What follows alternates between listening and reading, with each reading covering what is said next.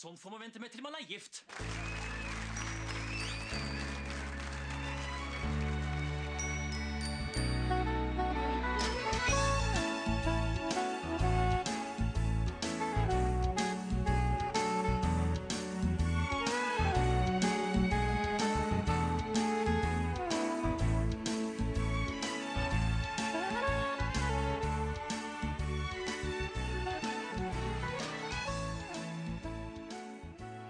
Hei, velkommen til en ny episode av Norsk film filmpodkast. Mitt navn er Emil. Jeg sitter her som alltid med. Stefan heter jeg. Og du, Stefan, hva har vi sett denne uka her? Vi har sett uh, Varg Veum, 'Bitre blomster'. Uh, Varg Veum er jo en sånn romanfigur av eh, Gunnar Staalesen, denne liksom krim- og lokalhistorikeren fra Bergen. Og uh, i Norge så har man jo liksom ikke hatt en sånn tradisjon for å lage Man har ikke laget så veldig mye sånn TV-krim. Man har på en måte Det har jo skjedd mye i Storbritannia, man har laget en del i Sverige. Men på 2000-tallet så bestemte man seg for at nå, nå skal vi også lage TV-krim. En slags litt sånn James Bond. Og Varg Veum er jo en begge, bergensk karakter. Han kommer fra Bergen. Hva er vel bedre da enn å få Trond Espen Seim, Norges egen østlending, til å spille ham? Tidenes Oslo-tryne, ja. Ja, ja. fy faen. Og, men veldig Han er jo kjekk, da, i den første Varg Veum-filmen. Hva gjør du her egentlig?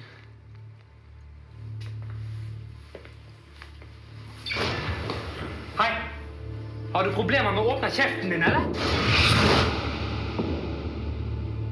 Ja, vi fikk deg opp hit fordi du var ansatt i barnevernet. Etterforskningen den greier vi fullt sjøl. Jentungen er borte på fjerde døgn, og det er så spesifikt som det blir. Skal dere ha mer, så får dere dikte. Det kan dere jo. Kan du ikke prøve å fortelle meg alt du husker fra den natten? Jeg er en sjalu person, Bård. Tror du at jeg dreper folk fordi kona mi var utro? Og så gikk jeg inn for å se til ungene igjen, og da var Camilla vekk. Hvorfor knuste du alle vinduer? Dette er et åsted. Hvem var det som fant ham? Var denne privatetterforskeren? Privatetterforsker. Sånn i Bergen? Du, er du ansatt her, Vium, eller er du helt tilfeldig? eller åssen er det? Ja, jenta forsvunnet, en mann er drept, og nå har faen prøvd å drepe meg også! Slutt å rope. Snokk! Er du i stand til å ta deg av Varg Veum? Den filmen her er regissert av Ulrik Imtias Rolfsen, så det er faktisk den tredje av totalt fire Ulrik Imtias Rolfsen-filmer vi ser. Vi mangler bare Haram fra 2014, så har vi sett alt, så vi må vel ta den på et eller annet tidspunkt også. Hei, Ulrik. Eh, så Rolfsen er vel da den regissøren vi har sett flest filmer av, tror du ikke? Jo. Jeg kan ikke komme på noen andre som har vært så mye innom som han. Ja, og det er jo selvfølgelig fordi vi syns vi anerkjenner det han gjør, og syns han er en utrolig god filmhåndverker. Først Issat, som er jo Norges Reservoir Dogs og Goodfellas i en og samme kruttpakke av en film. og så er det jo Siste revejakta, som er et veldig bold, ambisiøst prosjekt hvor han virkelig som flekser sin filmatiske håndverk. Som kanskje er høydepunktet, som står igjen som hans ja. liksom sånn film nummer én. Uh, mellom de to, da, som en eh, rose mellom to tor torner, eller som en pikk mellom to baller, så kommer da Varg Veum 'Bitre blomster'. Dette er den første filmen i Varg Veum-serien. Eh, Det er jo godt poeng det du sier der, Stefan, at man ikke har hatt noen sånn tradisjon for å lage den type detektivhistorier i Norge, egentlig, eller den type krimserier. Men hvorfor tror du da at man velger akkurat Varg Veum når Nei. man først skal lage noe? Nei, fordi Problemet med veldig mye norsk krim da, er jo at i motsetning til britisk krim, så i britisk krim så er det mye humor og ironi og sarkasme og sånne ting. Mens i norsk krim så syns jeg det ofte er ganske sånn, det er ganske fraværende. Men en av de som faktisk behersker liksom ironiens liksom, eh, verktøy ironi godt, er jo Gunnar Staalesen.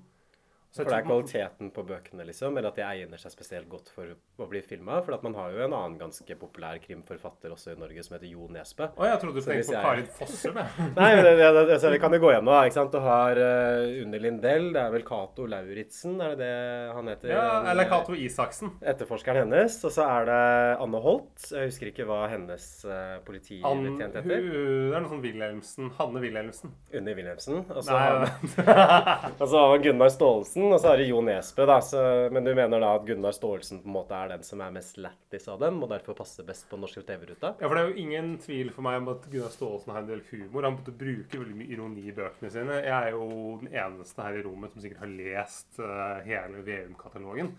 Og, eller kanskje heller eneste liksom, i hele denne bygningen.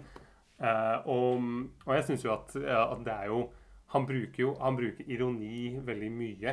Eh, og kanskje på en sånn måte at det ikke alltid blir like Eh, For jeg syns ikke de filmene her har vært så morsomme. Dette er jo den andre vi ser. Ja. Den, den første vi så, den spilte vi vel inn på vår, våren 2023, tror jeg. Og det var Varg VM 'Begravde hunder.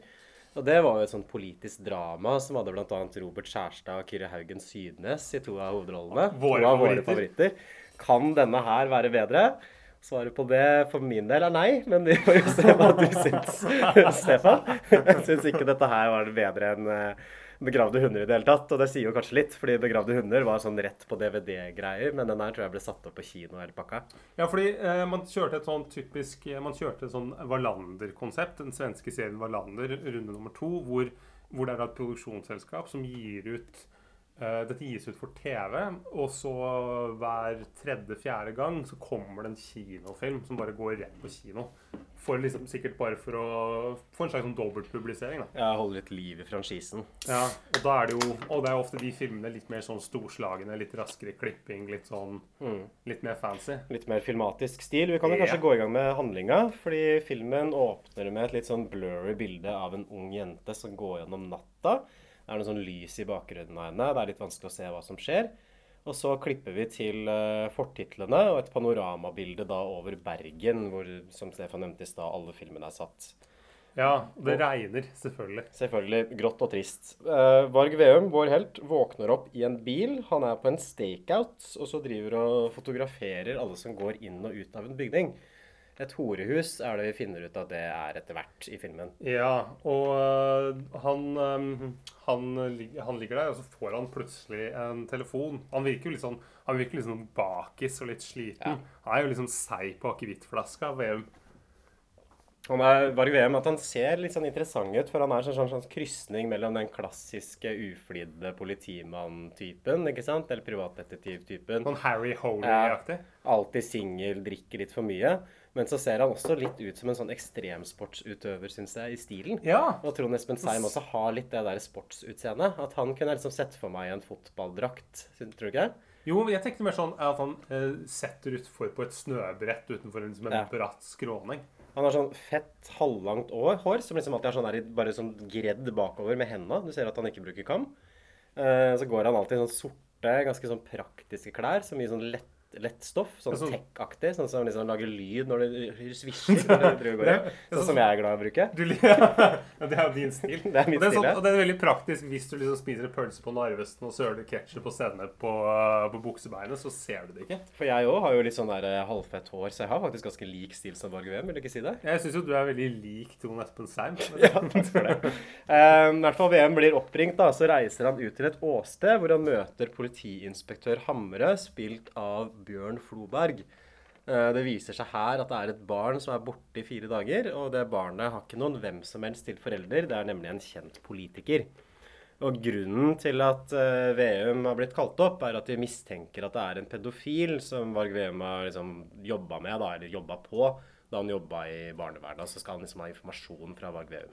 Ja, og fordi at dette er første Varg Veum-filmen, så får vi jo satt det at Varg Veum ble jo Han er privatetterforsker, og grunnen til at han ble det, var jo fordi at han uh, jobba i barnevernet og slo ned en narkoman, og da måtte han jo slutte. Ikke en narkoman, men en narkolanger. Narko narkolanger! Ja, det er forskjell. er. Deg, jævla junkie! så det skal vel bygge sympati med han, kanskje. da. Men for det lurer jeg litt på. Sånn, hvor mange privatetterforskere tror du det finnes i Norge? Det er han derre Olav Tune. Han derre Husker du så denne serien på TV Norge noen gang, hvor du fulgte Olav Tune på oppdrag? Nei. Den var ganske bra, altså. Så jeg anbefaler det til dere unge som på en måte sitter der ute og tenker at jeg vil Jeg vet ikke hva jeg skal bli. Skal jeg bli eh, rørlegger eller eh, topograf? Jo, kan, eh, du kan bli privatetterforsker. Bare søke opp Olav Tune og se på Ja, for det man gjerne typisk bruker privatetterforskere til, er vel hvis det er noen som er savna, kanskje. Eller hvis man mistenker at partneren er utro. Ja. Og så kan man hyre inn en privatetterforsker for å følge etter partneren. Men her er det allerede en svakhet i den her. fordi at eh, Veum har jo som et sånt prinsipp at han ikke tar utrosaker. Men i filmen så har de jo gitt litt faen i det. Ja, For det må jo være derfor han er utenfor det horehuset, ikke sant? Ja, Eller tror du han bare skal ta bilder og så presse ut folk? Ja, er kanskje Altså, det, kanskje det, det, ja. Eller selge dem til Se og Hør, eller noe sånt. Hmm. Nei, uh, men det, i alle fall så er det det er mye surr rundt på plassen her. Det er liksom, det er en sånn slags Mellom han Hamre og Veum så er det jo ikke sånn Det er ikke veldig god stemning. Nei, han eh, Hamre kan liksom lure litt på hvorfor Hamre gidder å få han opp til det åstedet. For han kunne jo bare ringt den angående han Vestli. Han får vel ikke noe sånn særlig informasjon ut av Varg Veum heller. Nei. Så det er jo litt sånn tynt påskudd for å få Varg Veum involvert i den saken sånn fra filmens side. For han Vestli hører vi aldri om igjen, så han blir jo bare skrevet rett ut av plottet. Ja, for det, det er veldig mange løse tråder som aldri liksom tas tak i, og som du bare venter på en oppfølging. Og det ene er jo også det at eh, mora til denne jenta er jo politisk liksom med et parti. I KRP, var det det de kalte det? De nevner det to ganger Ja. i løpet av filmen. Jeg fikk aldri med meg hva det var. Det på en måte, Du følger selv ikke opp. Det gjøres ikke noe poeng ut av det. Nei, jeg skjønner, hvorfor. hvorfor skulle hun være politiker, liksom? Hva er det det tilfører Men det tilfører ingenting. Hvis- handlingen? Du kunne jo på en måte du kunne jobbet i Statoil, eller du kunne vært Eller bare, liksom ja. For jeg tenkte jo kanskje at hm, ja, her er det kanskje et eller annet politisk motivert. At det er kanskje det som er meningen at man skal tro, da, at man skal villede seeren litt. Ja, men tror du Ulrik Imtias Rolfsen har liksom At han er en så god filmkunstner at han Nei, altså jeg syns jo generelt at manuset her er ganske hullete og lemfeldig skrudd sammen. At det er mange snarveier og mange heldige sammentreff og plottbrister, egentlig. Ja, jeg kan kan jo peke ut noen av dem underveis. Jeg vil jo heller si at det faktisk er et loslitt manus som jeg på en måte føler at jeg har sett. Dette har jeg sett flere ganger. Det er på en måte så slitt i stykker at du, må, at du ser tvers igjennom det. Mm. Sånn tynt bibelpapir. jeg skrev på. Hvorfor kan, ikke, hvorfor kan man ikke gi ut flere bøker med sånn tynt bibelpapir? Nei, si det. Uh, hun er gift med Håvard Bakke, altså som er mest kjent uh, som spiller Pelle i Pelle og Proffen-filmene. Ja, akkurat som i Buddy så spiller han en litt sånn tøffeltype som er Ja, opptatt av miljøvern. Han ser veldig sliten ut. Og, og ja, han også er jo en litt sånn ikke-karakter, egentlig. Ja. Og Varg Veum mener jo selvfølgelig at politiet trenger en ny innfallsvinkel. Dere går i sikksakk! Det er mye sånn roping, liksom, både mellom Fordi både Trond Espen Seim og Bjørn Floberg har litt den derre typiske Hva er det dere driver med, da? Den, den liksom måten å Nei, men faen, Liam! Kommer du her igjen? Jeg har sagt at jeg ikke vil høre på deg! Ta deg sammen, da, Hamre! Du er et lite barn, Vim! Ja, så det, det blir mye, særlig når de står og roper til hverandre. Så blir det ganske sånn spesiell rytme på scenene. Så i og for seg funker. Jeg syns jo særlig Bjørn Floberg er en god skuespiller. Og Seim er ikke så halvgæren, han heller. Han får jobben gjort. Ja, han, han, han har jo én rolle han greier å spille, og det er jo akkurat Det passer perfekt for den VM-karakteren. Ja, veldig godt casta, altså. I hvert fall Det som skjer, da, er jo at Vibeke Farang overhører liksom det at Varg VM er inne og synser om den etterforskningen, og hyrer inn da liksom Varg VM på privat basis. Og Hun gir også ham en ledetråd som ikke politiet har fått, fordi hun tror det kan henge sammen med elskeren hennes, Karsten. Fordi han var hos henne den natta da barnet forsvant, og han har ikke blitt sett siden. Nei, han har, vært, eh, han har vært borte i en uke, og dette er da Karsten Aslaksen. Han er eh, kjemiker og jobber i et firma som heter Nolon.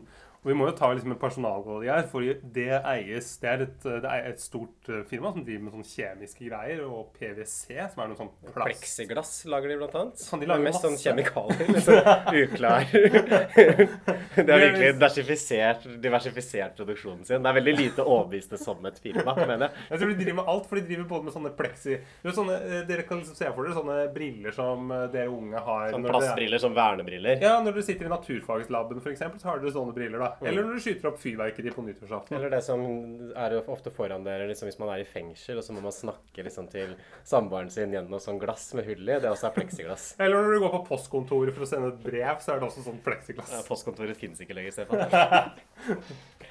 Um, ja, og, og Karsten Aslaksen er også død, fordi neste scene så ser vi noen at han blir kvært av en fyr i gassmaske. Og da han bruker også noen sånne kjemikalier for å gjennomføre dette drapet. At han heller noe sånn hydroklorid oppi vann, og så lager en sånn syrereaksjon, da. Ja, det er en fyr som dreper Karsten Aslaksen. Ja. Ja, det var det, ja. Det var det jeg sa med gassmaske. Ja, ja, ja. ja, ja det var... Men, men um, uh, vi må jo si litt mer om Nolon, dette firmaet. Fordi det er jo familien Skrøder Olsen som eier det. Og det er jo eh, da Harald Skrøder Olsen, som er en sånn gammel sånn, sånn patriarkat-type. Eller han har jobbet seg opp og på en måte startet Typisk sånn kvalm kaksa. Liksom. Ja, så sitter liksom på sånn, har en sånn egen strandlinje hvor han sitter og fisker. Fisker og... med barnebarnet sitt, som han sikkert har et litt sånn usunt forhold til, og groomer til at han etter hvert skal ta over familiebusinessen. Han skal ta over den vellykkede PwC-bedriften. og så har han to sønner hvor det åpenbart er en sånn, går en konkurranse mellom dem. Trygve og Odin Skrøder Olsen. Det syns jeg var veldig utroverdig likeverdig, de to navnene sammen. For jeg tenker at hvis du, hvis du kaller det ene barnet ditt for Odin, så kaller du ikke andre barnet for Trygve. Du tenker at du At kaller det for Ludin? ja, jeg syns de navnene er for langt fra hverandre, da. Ja. Er du ikke enig? Det blir på en måte som å kalle ene dattera di for Måne, og andre kalles liksom for eh, Ida eller et eller annet sånn Jorunn, noe helt streit noe. Du mener at det blir hett Thor og Odin isteden? da? Ja, eller Odin eller et eller annet som også var litt sånn der, eh, litt mer sånn interessant navn. da. Gyda. Odd, kanskje? Odd. Brant, eller Hugo. Odd Skrøder Olsen. Odd Hugo Skrøder Olsen. Ja, er du ikke enig? Nei, jeg ikke At jeg føler at de foreldrene som gir først liksom barn navn på Trygve, da blir ikke nummer to Odin. Ja, men, men jeg, jeg sliter Vet du hva mitt problem faktisk er med de navnene? At jeg, jeg tenker at Fordi jeg syns han ene som heter Trygve, ser ut som en Odin. Og er motsatt. Så for han, han, han som heter Trygve, da ser jeg for meg en litt sånn godslig fyr. Men her er det litt sånn androgyn, liksom sånn helt sånn dratt Veldig type. glatt. Ja. Sånn glatt hår. Sånn skikkelig sånn der pomert hår. Skinnende hår. Ja, ja, ja, ja, han er helt sånn uh, han Ligger liksom lakka til huet hans. Litt sånn Legolas-aktig. Sånn, mens, mens Eller mer sånn Lego-figur, Legomann-hår, egentlig. Mer Leo-figur.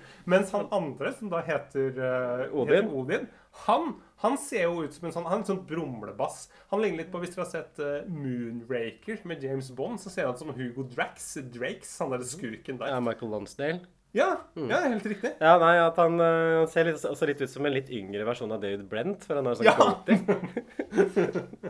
og de er i hvert fall veldig glatte og mistenkelige, begge to. de, de to sønnene. Så man skjønner jo med en gang man ser liksom de, den gjengen der sammen, at de har i hvert fall noe med dette drapet og den forsvinningen å gjøre. Spørsmålet er bare hva. Og de jobber jo selvfølgelig i Det der firmaet Norhold er selvfølgelig Det er bare sånne Alt interiøret innvendig er svart, og det er skinn og lær, og Ja. så du skjønner at det er liksom mistenkelig. Og de er helt sånne glatte, glinsende dresser. Ja, hei. Odin Skrøder Olsen. Varg Hyggelig. Ja. Ja, eh, Karsten. Han har vært eh, borte nå i, i noen dager, og det er for så vidt normalt. Han har en, ja, en litt radikal form for fleksitid. Han jobber nok i perioder veldig hardt, og kan nok ha det litt tøft. Har du prøvd ham på mobil? Han svarer ikke. Nei, det er faktisk litt typisk. Hvor lenge siden har han vært på jobb, da? Det er ikke jeg helt sikker på. Eh, En ukes tid, kanskje. Du, Hva med den fabrikken deres?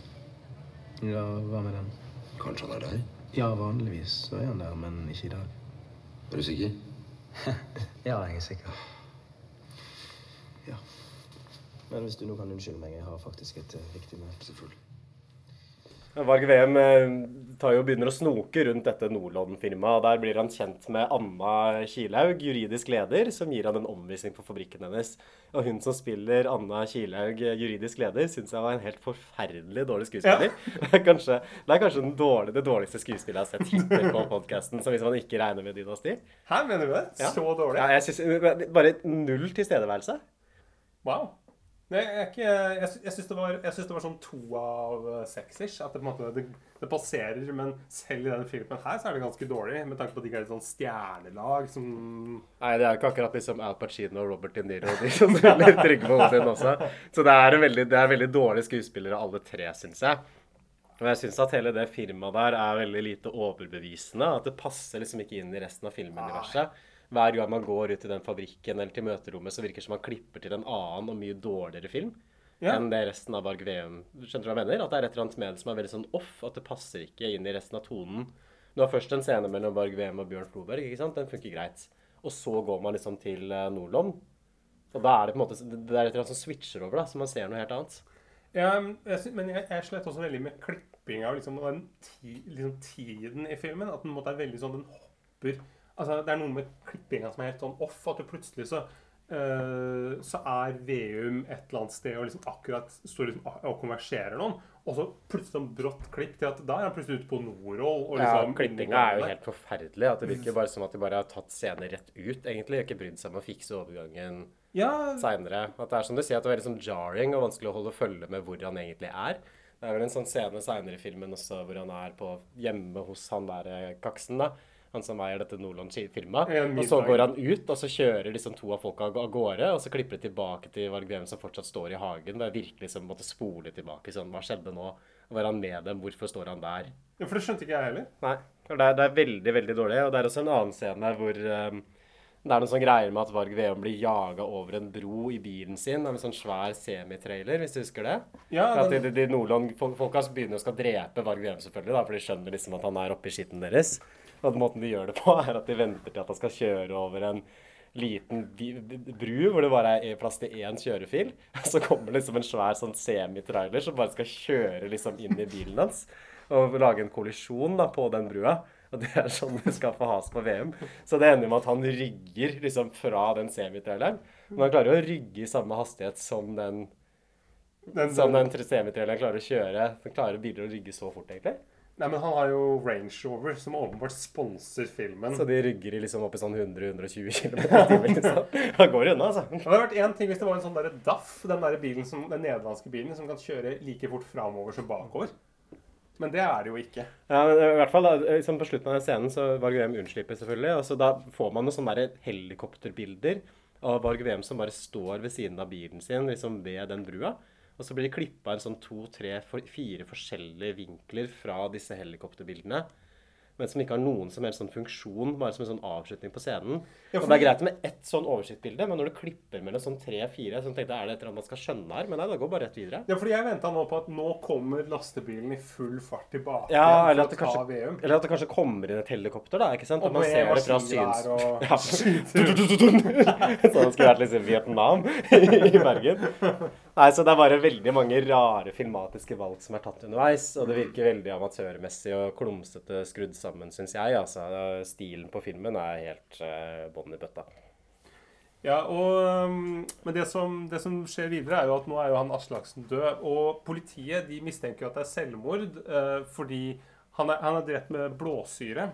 Og han er jo kjemiker. Så da burde jo, eh, da burde jo liksom han eh, Da burde han vite at det å ta livet av seg med blåsyre, det er en utrolig behagelig måte å dø på. Det det ikke ubehagelig, det sa? Jo.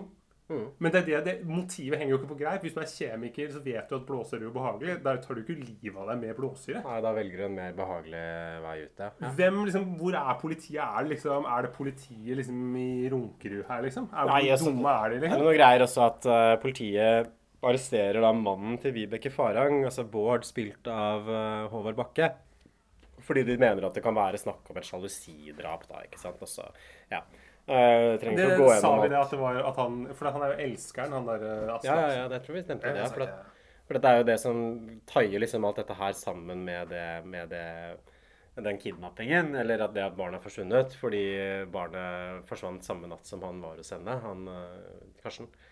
Uansett, um, det viser seg liksom at hele firmaet er innblanda i noe ganske sånn deep shit. At Karsten hadde lyst til å fortelle alt sammen. Og at det er den der, eh, han David Brent-fyren med Goldin, Odin, som drepte Karsten da, i et forsøk på å liksom dekke over det her. Ja, og det vanligvis i krimfilmer så kommer jo dette her en, Sånn som i Derek, så er det noen ganger at de kjører det helt i begynnelsen. At du vet hvem som har drept, og så følger du morderen liksom fram til han blir avslørt. Mens ellers er det den andre metoden, at du får vite det til slutt at At du sitter og lurer, ja. Var det sånn, ja? ja. var det Odin Skrøder Olsen som drepte, drepte Karsten Aslaksen? Men her så får vi måtte vite det sånn litt sånn, litt sånn Ja, ikke engang halvveis ut i Litt filmen. midt i, ja, så er det veldig gøy, for da får man liksom bruke resten av filmen på å se at Varg Veum skjønner det seeren allerede har skjønt. Ah. Og det blir jo utrolig spennende, selvfølgelig. Ja. Litt av en intrige. Og det er også veldig morsomt hvordan de skal illustrere at Varg Veum liksom tenker. For at de må liksom ha en sånn scene hvor han kommer fram til han får et eller annet sånn clou eller en sånn eureka-opplevelse. Og da er det filma det sånn at han ligger liksom og vrir seg på en sånn skitten sofa, og så kommer det sånn stemmer fra tidligere i filmen, fra scener tidligere i filmen, i en litt sånn hakkete rytme. Sånn derre Karsten omga seg med de verste menneskene. De verste menneskene. Menneskene. Meste menneskene. Karsten omga seg med dette her eh, tenker jeg liksom, dette er visuell historiefortelling på høyt nivå. Altså. Her har man virkelig liksom jobba, sett hva filmen kan brukes til. Hvordan kan vi illustrere liksom en tankeprosess med på best mulig vis. Jo, vi gjør det sånn som uh, såpeserier gjorde det på 1970-tallet. Det er liksom gangbart i Norge i 2007. Jeg, jeg lo høyt da jeg sa den scenen. Det er, sånn, så, ja, det, det, er så dårlig. Er du ikke enig? Jo, jo, men, men det, det, det er jo det som er så gøy, at den bruker alle klisjeene her også. Eh, fordi det er jo enda en, en, en veldig flott klisjé, og der er det igjen en sånn eh, Disse her eh, Trygve De Skrøder Olsen-brødrene de har jo selvfølgelig en henchman. Han som kjører lastebilen for å ta VM, eller på en måte prøver å banke VM. Og dette er en sånn derre eh, litt sånn eh, litt sånn bøff, liksom sånn To- Tommy Steine-aktig type. Som på en måte som ser ut som Han ser ut som han kunne vært sånn henchman i, liksom, i en James Bond-film. Men ehm, selvfølgelig, når, når han her da ikke greier å drepe Veum med lastebilen, så sier, kommer den, liksom, den største klisjeen av alle innafor sånn actionfilm. Når Trygve Skrøner Olsen sier at Hva er det jeg betaler deg for? Som er Det er jo Hvor mange ganger har vi hørt dette her? Men jeg tror ikke akkurat det er tatt fra boka, da. Nei, nei, jeg har lest boka der. Ja, at- Han henchman er ikke der. Gunnar Staalesen ville aldri skrevet det som er så så nei, platt. Gunnar Staalesen. Ikke Gunnar. Hei, Gunnar. Um, Varg kommer i hvert fall fram til at han har sett bilen til Karsten utenfor det horehuset som han spana på i starten av filmen. Som jeg også syns er en veldig sånn lat historiefortelling her som filmen kommer med. At det er så ekstremt tilfeldig. Ja, akkurat det horehuset som han drev og spana på, der så han den bilen. I en by hvor mange folk er det som bor i Bergen? da? Sånn er det 400 500 000 stykker, liksom? nei, Er det ikke noe sånt? da? Det er 250 000 nesten- eller noe? Jo, det er mer enn det. Det er den nest største byen i Norge. Ja, men det er litt over 250. Kanskje, kanskje 250 000 er det som bor i Trondheim. Nei, nei, nei. Trondheim er 190-180. Må, må Jeg, ta og diskut- lese opp. jeg snakker jo med sånn- selveste sentrumskontrolløren her, så jeg burde kanskje holde kjeft. Ja, Men må eh, uansett, Selv ikke i Metropolitan Area så tror jeg det bor så mange. uansett da, det bor hundretusenvis av folk i Bergen. Ja, Og den ikke... ene bilen sto utenfor den ene gangen da Varg Veum var på utspanning der. Og det er sånn han klarer å etablere den linken. Det er jo for godt til å være sant. Og tenk at han husker at den bilen står der, og når han har sittet der i flere dager utenfor det horehuset og tatt bilder.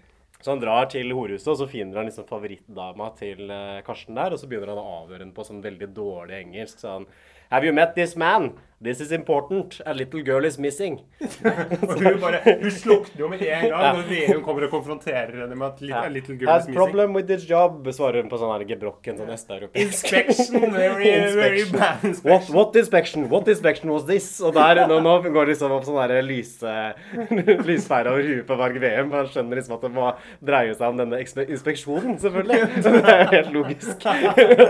Det må jo ta inn i dette drapet og forsvinningssaken. Og nå kommer vi til det som er veldig fascinerende med Veum- Veum, at han kjenner jo folk overalt. Fordi han, han kjenner eh, Han kjenner noen eh, som eh, driver med sånne inspeksjoner. Han kjenner en eller annen som driver med Mercedes-utleie, som tilfeldigvis leier ut Mercedes til Skrøder Olsen. Og det er i tillegg hans største kunde. Han kjenner noen som jobber på Hotell Norge. Hvor også han Skrøder Olsen har bodd, var Ja, det nei, ja, var det Odin eller Karsten eller Men det var han der amerikaneren, for det er enda en karakter som kommer inn. Som er sånn eh, Ja, han, han, trenger, han trenger jo ikke å ha med jeg Nei, det blir for komplisert for lytteren. Eh, altså, En av de viktigste tingene som skjer, er at liksom Varg Veum får med hun der Anne Kielaug, juridisk leder, med på laget sitt. For han drar hjem til henne. Og det er jo veldig flaks for han at uh, tilfeldigvis er hun utrolig pen og velproporsjonert. Og også veldig kåt på Varg Veum. Og det er en veldig morsom scene hvor han er hjemme hos henne, for han spør henne sånn Hvorfor Du har bare bilder av deg selv som barn. Hvorfor har du ikke noen bilder av deg selv som voksen? Liker du deg ikke selv som voksen? Og da lurer jeg på, Er det vanlig liksom, det å ha bilder av seg selv som voksen liggende hjemme? Jeg har masse bilder av meg selv på veggen. Jeg syns det er veldig selvopptatt. Kanskje Varg Veum har det? Men han sitter sånn med sånn pistol og På puben. med Akevittflaska i bakgrunnen. Nei, jeg syns jo liksom det å ha bilder av seg selv i det hele tatt er ganske selvopptatt. Ja, jeg- Også som barn, men spesielt som voksen. Jeg husker du reagerte veldig sterkt på dette her, for vi så en gang uh, Firestjerners middag sammen med, med liksom kokkekonge Ja, med liksom. Finkenhaug, ja. Ja. Og hun hadde masse bilder av seg selv på, uh, i huset sitt, og da dømte du henne med en gang. Hun hadde en svær plakat av seg selv som sto liksom lent, var ikke hengt opp engang, men da bare lent inntil kjøkkenbordet sitt. Men kanskje du satt og ble intervjua. Men kanskje du skulle selge den til noen? At det var en sånn fotokunst? Nei, hun liker jeg ikke, altså, men det er kanskje et eh, tema for en annen episode. Ja, det tar vi nå. For nå, nå løser på en måte Varg VM gåten her, da. Fordi det han mener har skjedd, er at Karsten var hos hun Farang og lå med henne. Og så kjørte han derfra til fabrikken Mm. eh, til Nordlån. Og da lå hun Camilla, hun datteren, lå i baksetet på den bilen. Og så må det ha skjedd et eller annet på denne fabrikken med hun Camilla. At hun har dødd eller et eller annet sånt. Og det er grunnen til at de drepte Karsten, for å dekke over det, da.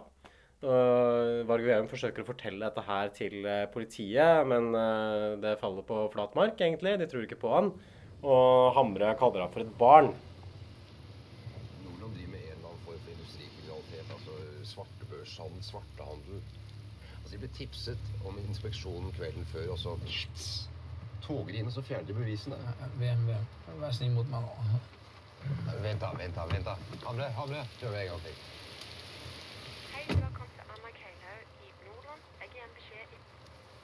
Hun er sikkert stuck i trafikken på vei hit. Og hun kan bekrefte at den her, den er ekte. Den beviser at Karsten Aslaksen var på Nordland natten før inspeksjonen. Det er ikke forbudt å gå på jobben etter arbeidstid. Ok. Dolensen, kunden deres. Han hadde reservasjon på Hotell Norge fram til samme dag som inspeksjonen. Og så plutselig ble han nødt til å forlenge oppholdet med en uke. Hvorfor det? Og I tillegg så har norske sjøkart liggende strødd på rommet. Har du fulgt boka nå? Kom igjen, da, Hamre! Inspeksjonen ødela handelen. Men presangen til deg, Hamre, er at han der, han er i byen fremdeles. Camilla, altså, altså, hvor usannsynlig tror du det er at hun kan blitt utsatt for, et, eh, for en ulykke på en fabrikk hvor folk masser gift? Altså, Hvis de oppbevarte ulovlig giftig avfall på fabrikken, og jenta blir eksponert for det, det er de jo skyldig i et, eh, så er de jo skyldig i uaktsomt drap. Altså, hvor Er ikke det alvorlig nok, da? Er det noe du har tenkt? Eller er det magen? Det er den mappa her.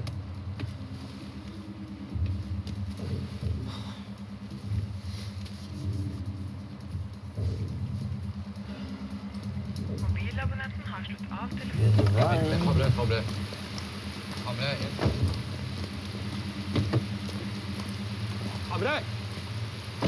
Hamre, vær så snill! Kan vi ikke gjøre noen undersøkelse av det her. Det er ikke noe jeg innbiller meg. Bård Farang er uskyldig. Karsten Aslaksen ble drept av Trygve Leodi fordi han ville fortelle sannheten. Du er ikke den eneste som påstår det. Hva sa du? De ringte på stasjonen. Vibeke Farang var nede og lagde en skikkelig scene. Ropte og skreik om at Nordlund hadde drept datteren hennes. Knuste et vindu før de fikk roa henne.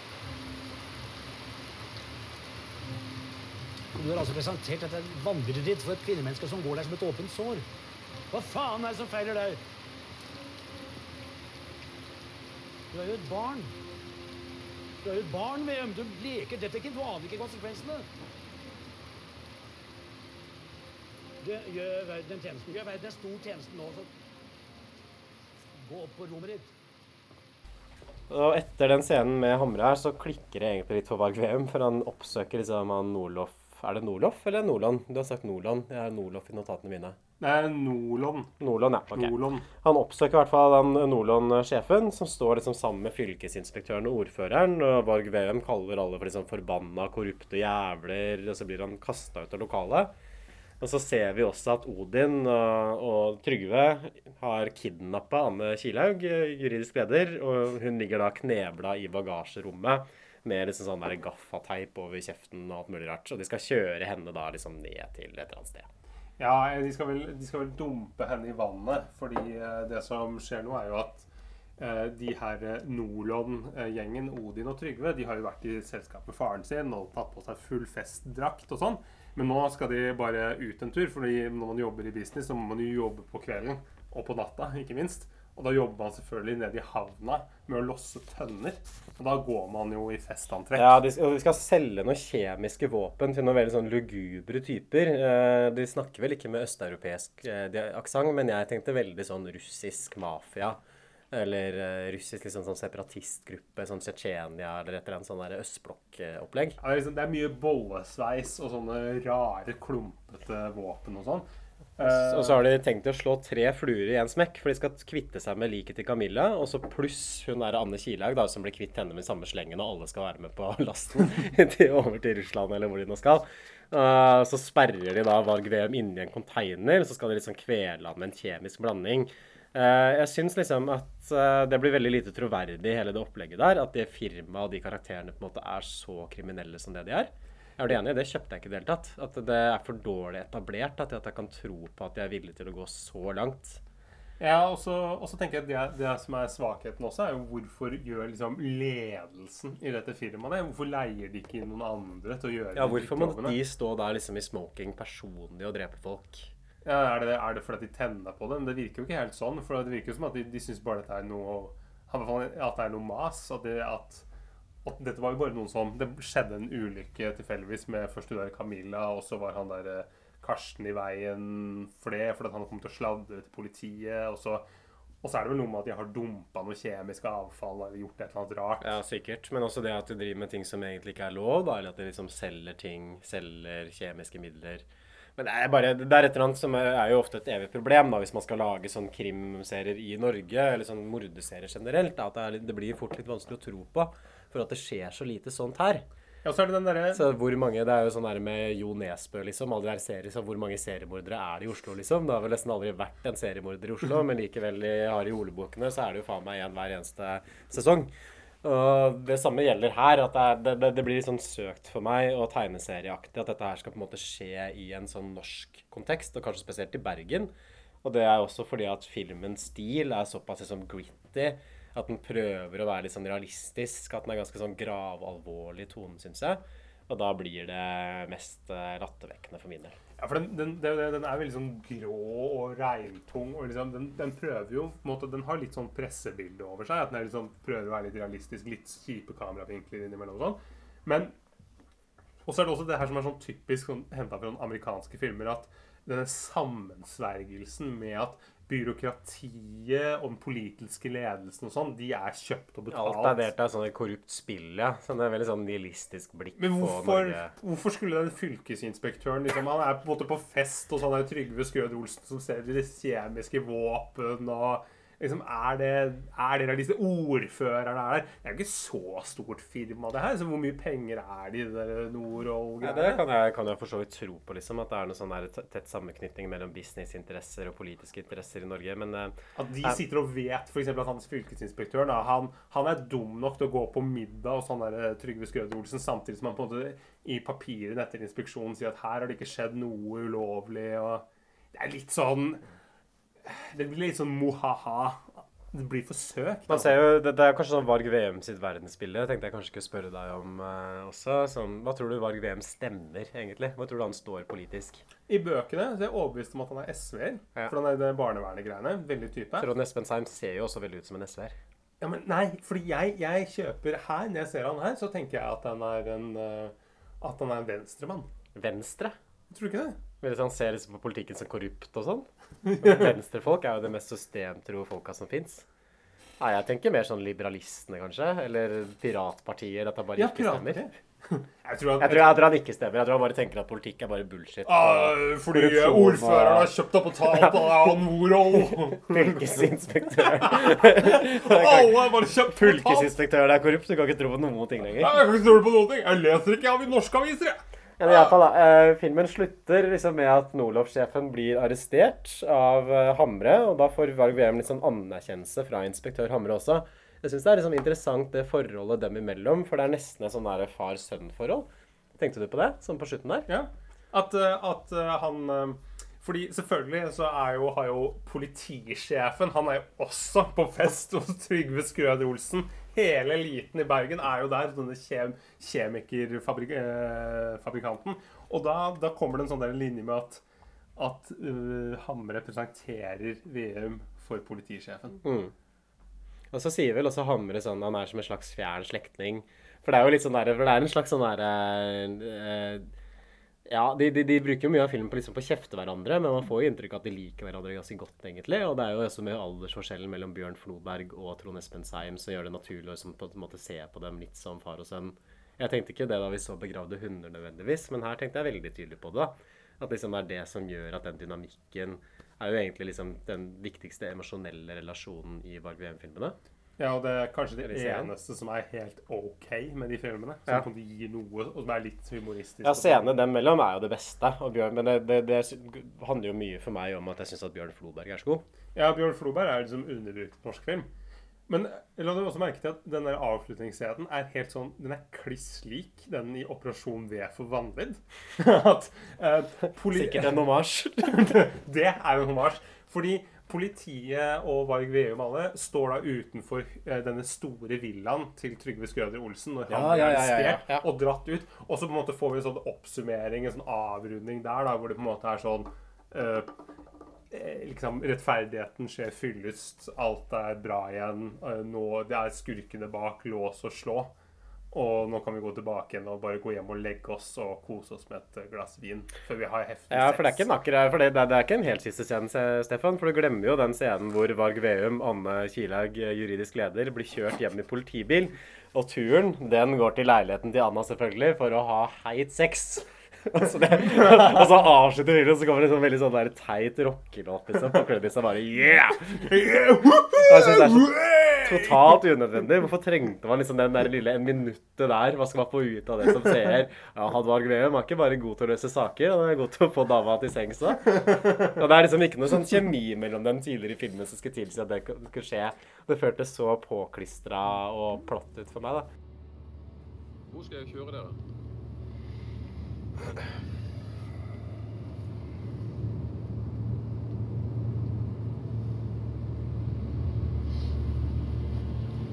Det var ingen som ventet på deg, du heller. Nei. Men jeg har aldri vært kjent som noe særlig godt selskap. Ja, jeg har et par flasker Chateau Latour hjemme. Jeg har spart inn til en spesiell anledning. Kjører vi hjem til deg og så henter de først, da. Mm?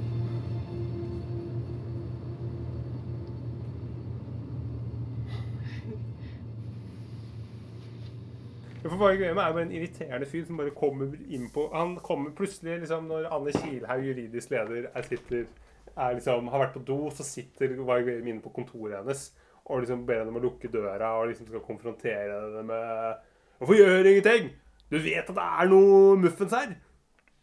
Og så er det bare sånn, det bare sånn, det bare sånn Han bare skjeller henne ut. Og det er jo ingen, Hvis du kan litt sånn psykologi, så vet du at det hjelper jo ikke bare å skrike til folk. Det er jo ikke da de på en måte tenker at Eh, negging, vet du. Negging, ja. Ja. Tror du det, du tror det funker? Ja, det er nei, åpenbart. Det kan bare se her. Men det blir jo sånn veldig rart også mellom dem, særlig det at de skal ha en sånn kjønnslig relasjon på slutten av filmen. Fordi at hun som spiller Anna Kilaug, som sagt, er såpass flat, eller leverer i hvert fall en såpass flat rolletolkning. Og Trond Espen Seim er jo ganske sånn ja, utadvendt, eh, litt sånn utagerende nesten, ikke sant? Og ganske intens, eh, som Borg VM. Og da blir det en veldig sånn merkelig kjønnsbalanse mellom dem. Og når de i tillegg da på en måte skal gå ja, og avslutte liksom filmen med at de skal ligge sammen, basically, at det er jo det som veldig tydelig sies. Jeg veit ikke, ass. Jeg skjønner ikke hvorfor, hvorfor tenkte man at det var nødvendig å avslutte filmen på det punktet som de gjorde. Det skjønner ikke jeg. Jeg kunne ikke bare avslutta foran huset der, og så hadde alle dratt hjem til sitt, og så vi, var vi enige om at nå har rettferdigheten skjedd fyllest, og alt er bra igjen. Og dette her får vi jo faktisk svar på ganske snart, fordi Ulrik Imtias Rolfsen venter ute på gangen her, så han skal bli intervjua av den filmen, så kanskje skal stille det spørsmålet til han. Ja, og det gleder jeg meg til. Ja, gjerne. Jeg syns vi burde begynne kanskje å supplere episodene med sånn intervjuer med seg sjøl. Og så kan man stille den type Hva mente du egentlig med de helikopterbildene etter den scenen hvor Varg Wiem liksom rygger unna den semitraileren? Hvorfor du- hadde så mange?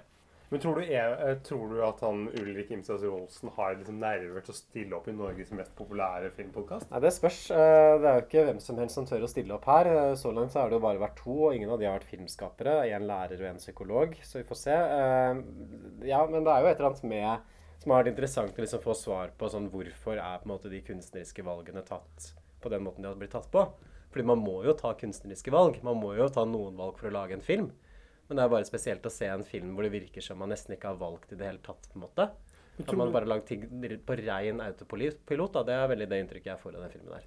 Ja, og, og det verste er den der klippinga som Jeg, jeg får jo følelse av at eh, Ulrik Rimstad Rolsen bare liksom da var ferdig med å spille inn filmen, bare dro på en liksom fire ukers ferietur til Gran Canaria, og så lot klipperen sitte alene og gjøre grovarbeidet. Ja, eller at han bare gjorde det sjøl. Det virker som en grovklipp, da, syns jeg. Ja, det virker jo ikke som et ferdig produkt. Man bare tenker sånn Yes! Vi er på halvannen time. Nå kan vi sende av gårde til TV 2, Ja, ja. og så blir de fornøyd. Ja, Den hadde faktisk kinooppsetning, og det er jo første filmen i serien også, så jeg kan jo tenke meg at man har liksom interesse av å gjøre det bra, men nei, tydeligvis ikke. Nei, det, det her starta jo liksom en uh, Det satte jo på en måte standarden da, for VM-filmene. Jeg synes jo Ja, men jeg likte Begravde hunder bedre enn den. Ja, jeg synes det var mye, mye bedre. Ja, ja, men det er jo ikke samme Hallo, hallo. Det er ikke sammenlignbart. Det, er- sorry, det er Begravde hunder framstår jo nesten som en, som en god film i forhold. Ja, ja, ja. Jeg husker ikke hva vi ga den, men eh, jeg mener ikke at vi satte den på sånn tre eller fire eller noe sånt. Jo. Det er i hvert fall ikke en treer til den her, det kan jeg si deg. Nei, det, det skal, du, skal du skrive opp. Nei, kanskje vi skal runde av da, sette karakter, hva tenker du? En. En, ja, jeg er enig. Dette her, det er ingenting. Eh, og det, til alle dere som bare har lyst til å se en dårlig film en kveld, på en måte, hvis dere har en jævlig dårlig dag fra før, og vurderer å ta livet av dere liksom med blåsyre, så bare se på den filmen her, så har dere gjort det innen halvannen time. Jeg tåler ikke. Tåler du ikke? Dette holder ikke. Dette holder ikke. Jeg trodde du sa at du ikke tålte blåsyre. At det var, Oi! Det er sånn. eller? Dette holder ikke, og dette tåler jeg ikke. Det er Begge deler. Helt enig. Ha det. Ha det! Sånn får man vente med til man er gift.